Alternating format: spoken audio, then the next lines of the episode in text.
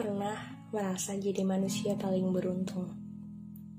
Ya lain karena dicintai sama seseorang yang juga begitu ke aku. Udah sefrekuensi, nyaman lagi. Dunia rasanya seru banget. Aku nggak perlu jadi orang lain atau kasih energi lebih untuk ciptain rasa bahagia itu.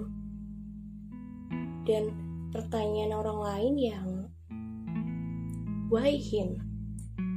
Jawabannya mudah. Aku bisa jawab dengan Why not him? Ya kenapa bukan dia? Emang bener sih, cinta gak butuh seribu jawaban untuk menjelaskan gimana perasaan kamu. Waktu terus berjalan, sampai akhirnya aku bisa yakin. Oh, mungkin dia yang Tuhan kirim buat aku rasanya kayak aku percaya diri aja gitu di hadapan semesta. Seolah bilang, makasih, aku udah diizinin untuk jadi manusia paling bahagia saat ini. Nggak bisa dipungkiri, tapi aku emang benar-benar bahagia saat itu. Setelah jatuh dan penantian panjang, Tuhan kasih jawaban lewat dia. Satu hal, kita emang gak pernah bisa pilih mau sama siapa kita jatuh cinta. Orang yang kita kira gak mungkin bisa cinta sama dia, ternyata bisa juga. Dunia punya cara kerja sendiri, kita cuma pemeran di dalamnya. Tapi ya, saat kita ketemu sama seseorang, gak mungkin 100% semuanya sesuai sama kita ada beberapa sifat yang mungkin gak relate aja gitu di kita. Tapi anehnya, semua bisa dimaafkan gitu aja kalau lagi jatuh cinta. Sampai akhirnya kita ada di suatu momen ketika perasaan itu udah beda.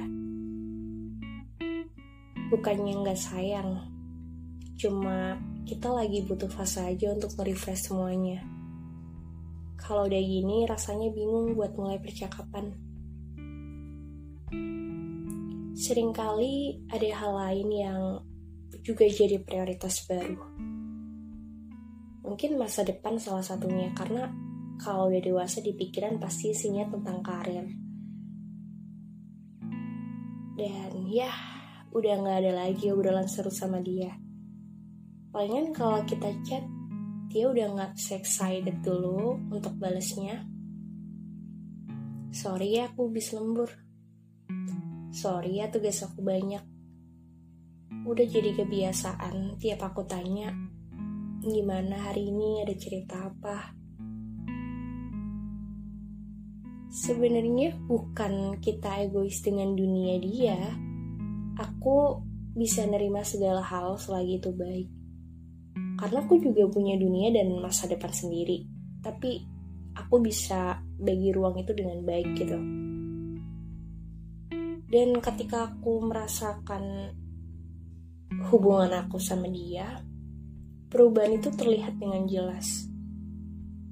Ya mungkin alasan utamanya karena masa depan dan kedua emang ya udah beda aja. Gak ada yang perlu dijelasin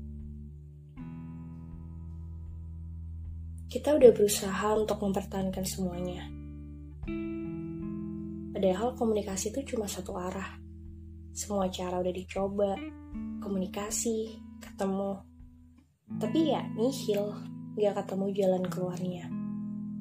Hubungan yang cuma punya satu kaki itu gak akan bisa berjalan lurus. Semuanya harus seimbang.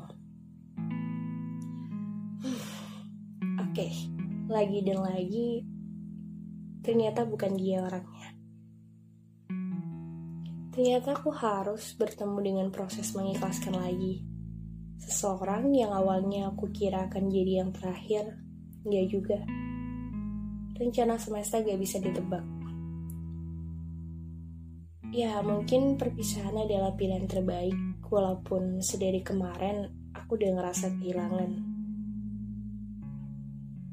Semoga kita bisa ketemu di lain waktu dengan versi terbaik ya. Dan semoga perpisahan ini jadi obat sekaligus jalan buat kita untuk lebih bisa bertumbuh dan jadi orang yang lebih baik lagi. Cuma mau bilang baik-baik ya.